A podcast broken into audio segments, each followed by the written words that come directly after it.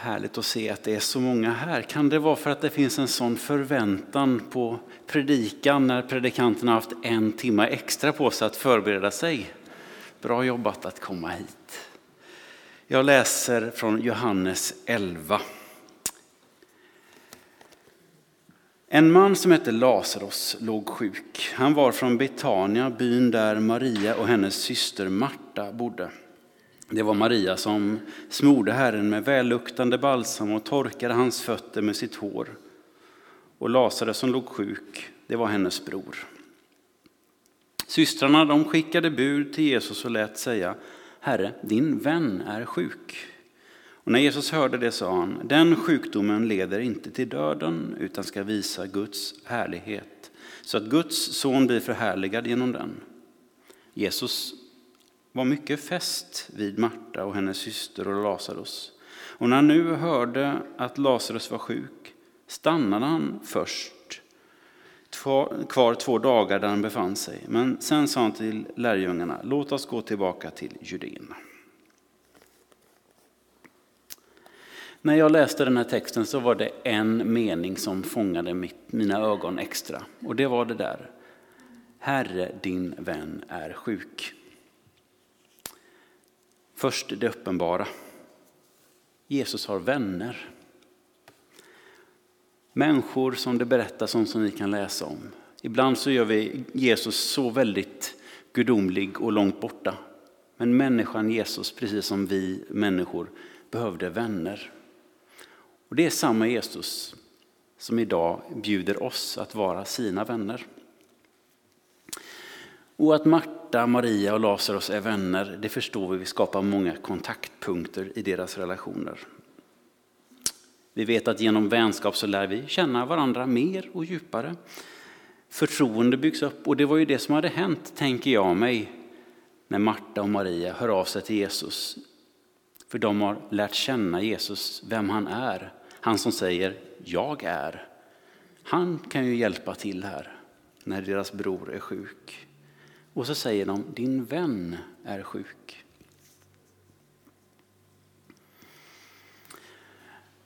Nu kan predikan ta lite olika vägar. Jag skulle kunna betona vikten av att du kan vara vän med Jesus du med. Han som säger till oss, jag kallar er inte längre tjänare utan vänner. Det ska jag inte göra. En annan väg skulle kunna vara att med de som exempel betona vikten av vår vänskap. Vilken föredöme de kan vara. Det ska jag inte heller göra. Den tredje vägen jag väljer är att den här berättelsen påminner mig, likt berättelsen om vännerna som bär den lame till Jesus. Systrarna de bar ju faktiskt sin sjuke bror till Jesus, den här gången faktiskt med ett bud. De andra bar honom konkret, den lame. Vi kan bära i bön eller i det vi gör. Herre, din vän är sjuk, sa de.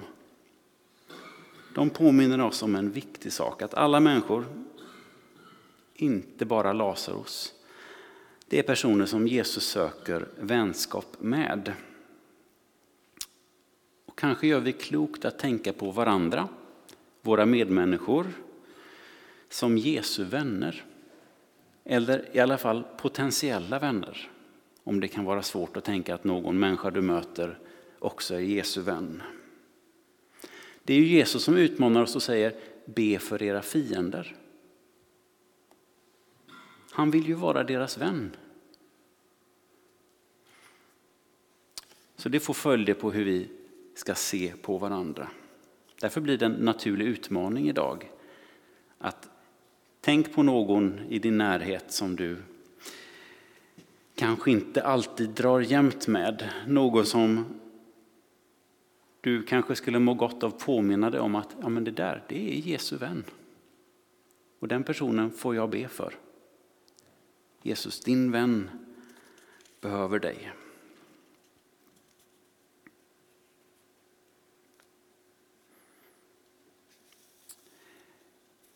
Jag läste vad Equmeniakyrkans regionala kyrkoledare i Region Syd skrev i sändaren med anledning av dagens text.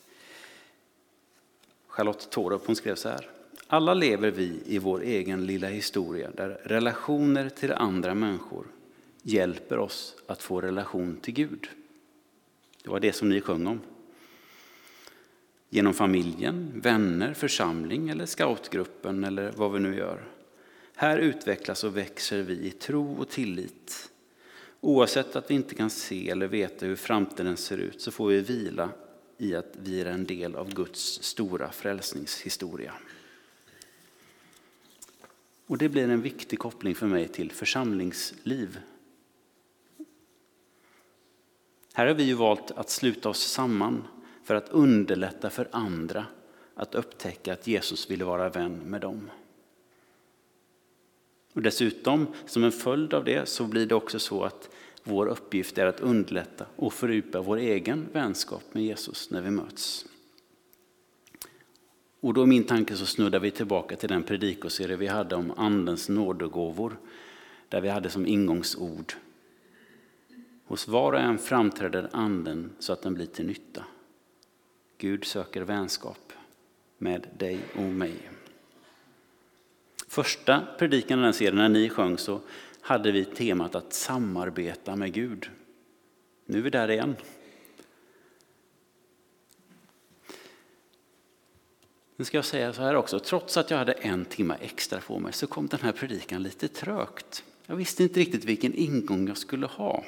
Vad är det du vill ha sagt idag Jesus, bad jag fler gånger än jag brukar.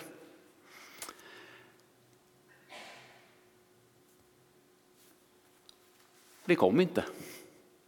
Förrän jag för en stund sedan, eller flera stunder sedan får jag säga, kom på att den här veckan så är det ju ni som har predikat för mig. Ibland så är det lätt att tro att det är jag som ska komma och nu ska jag predika för er. Men den här veckan så har jag blivit påmind om att vi som lever tillsammans, ni har predikat för mig. Jag har mött engagerat verksamhetsråd i veckan som har massa idéer och planer för Guds rikes skull.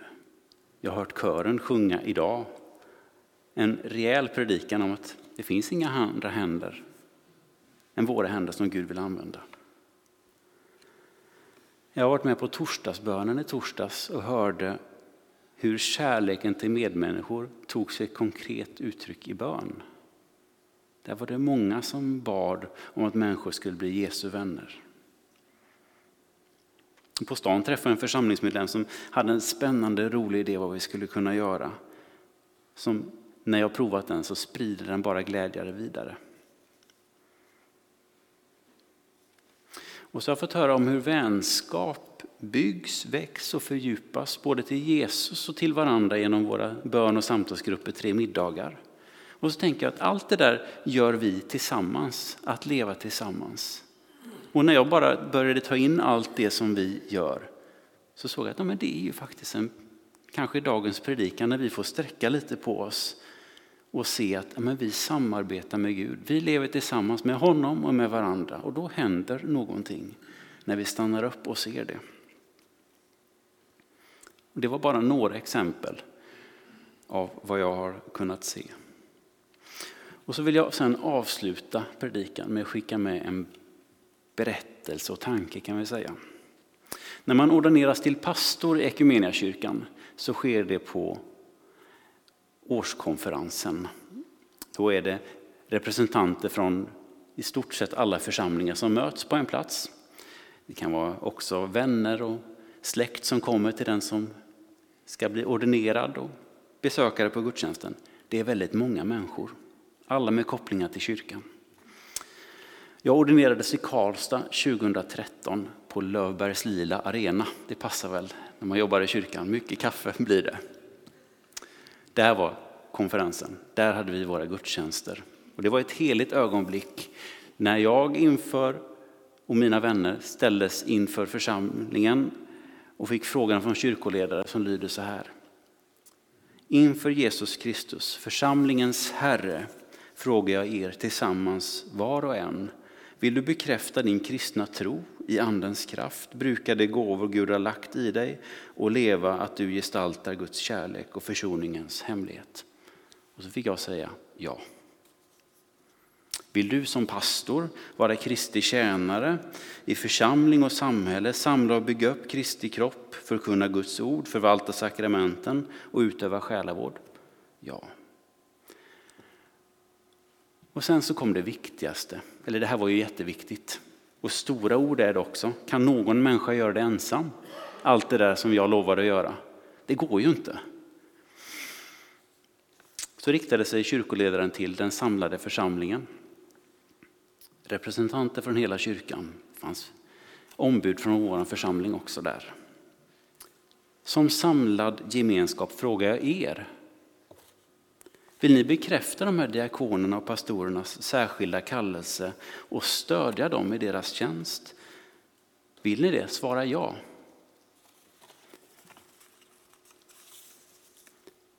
Det ja som jag fick i ryggen, för jag stod med ryggen mot församlingen, var massivt. Och det har burit mig så många gånger och det är jag så glad för. De trodde på mig. Särskilt när det, var, det har varit svårare tider att vara pastor. Ni tror på mig, ni vill stötta mig. Varför berättar jag den här berättelsen från mitt liv? Jo, för att jag tror att vi alla behöver ett sådant ja i ryggen. Ni som sitter här, alla ni inte kallade att vara pastorer eller diakoner. Det kanske finns någon som är det. Men för att få ett större frimodighet och mod att verka för att fler ska bli Jesu vänner i vår stad så behöver vi känna att vi inte är ensamma. Så därför skulle jag egentligen önska att ni fick samma upplevelse som jag. Kanske vi kan göra det någon gång på något sätt. Ett sätt att förnya sin kallelse, sitt medlemskap i församling och få ställa sin förfrågan inför Jesus Kristus, församlingens Herre. Frågar jag dig, vill du bekräfta din kristna tro? Och i Andens kraft brukar de gåvor som du, som Gud har lagt ner i dig, och leva så att du gestaltar Guds kärlek och försoningens hemlighet. Så får var och en av er svara ja, de som vill. Och sen kan du tänka dig att du står här inför församlingen, inte uttittad utan omsluten av värme. Och så hör du bara ett stort ja. För det är ju det som församlingen är tänkt att vara. Så när du sen går till jobbet, till skolan, där du är på dagarna och möter människor så är du medveten om och du känner ett ja i ryggen till din kallelse och dina gåvor att de ska brukas i Guds tjänst. Den bilden vill jag skicka med dig.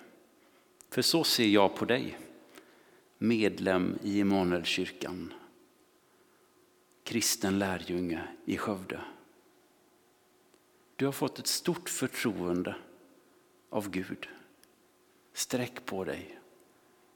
Var stolt över det. För Gud har kallat dig att vara dig själv där du är och använda det du har till att visa på att man kan få bli vän med Gud.